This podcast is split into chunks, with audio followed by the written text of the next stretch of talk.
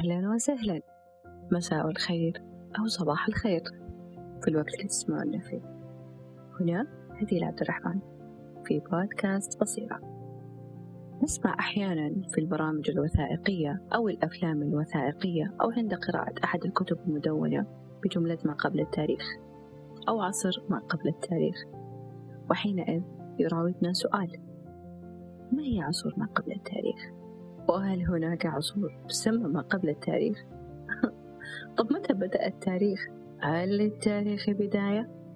طبعا إجابة هذه الأسئلة تكون إذا علمنا متى اخترع الإنسان الكتابة علمنا ما هي عصور ما قبل التاريخ إيش هالرابط العجيب؟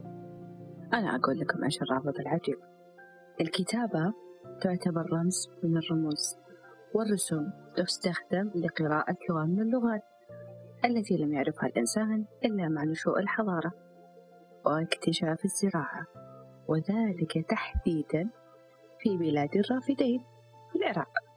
مع العصر السومري سنة 3200 قبل الميلاد إذ أن الإنسان قبل اكتشاف الزراعة كان نمط إنتاجه يقوم على الصيد جمع الثمار والترحال المستمر يلا من فضلك. ولكن مع اكتشاف الزراعة استقر الإنسان وامتلك الأرض وظهر لديه فائض في الإنتاج. طبعا أكيد راح يستثمر في التجارة. وظهرت نتيجة لذلك ما يعرف في مصطلح الدولة والذي يعتبر كمؤسسة تنظيمية ترعى المصالح وتحفظ أملاك الآخرين وتسن القوانين وتنظم التجارة داخل المجتمع. طبعا هذه التطورات كانت مؤشرات خطيرة للإنسان. ليش طيب؟ الإنسان فجأة لقى نفسه أمام بيانات ومعلومات أكبر من قدر الذاكرة البشرية أو قدرتها ما كان يقدر يستوعبها ولا يحفظها إيش سوى الإنسان؟ أخذ يبحث عن طريقة يحفظ بها هذا الكم الهائل من المعلومات طب إيش سوى؟ اخترع الكتابة لأول مرة في العصر السومري تقريبا سنة 3200 قبل الميلاد في بلاد الرافدين ولا عجب أن تظهر الكتابة في تلك البقعة من الأرض في ذلك العصر ليش طيب؟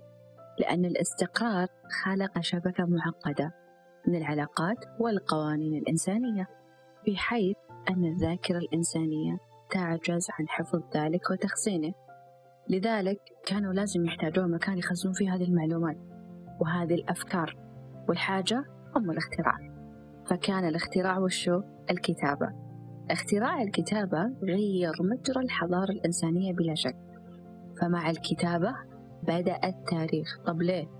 التاريخ تراكم معرفي والتراكم المعرفي يؤدي إلى التطور الحضاري للإنسان إلى الوصول إلى العصر الصناعي.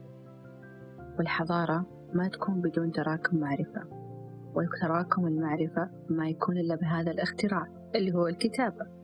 طبعا الكتابة بدأت بالرموز المسمارية. والرموز الهيروغليفية في مصر والتي كان من الصعوبة بحيث أن لم يتقنها إلا نخبة صغيرة. من الكهنة والطبقة الحاكمة يعني مو كل كان يعرف يكتب.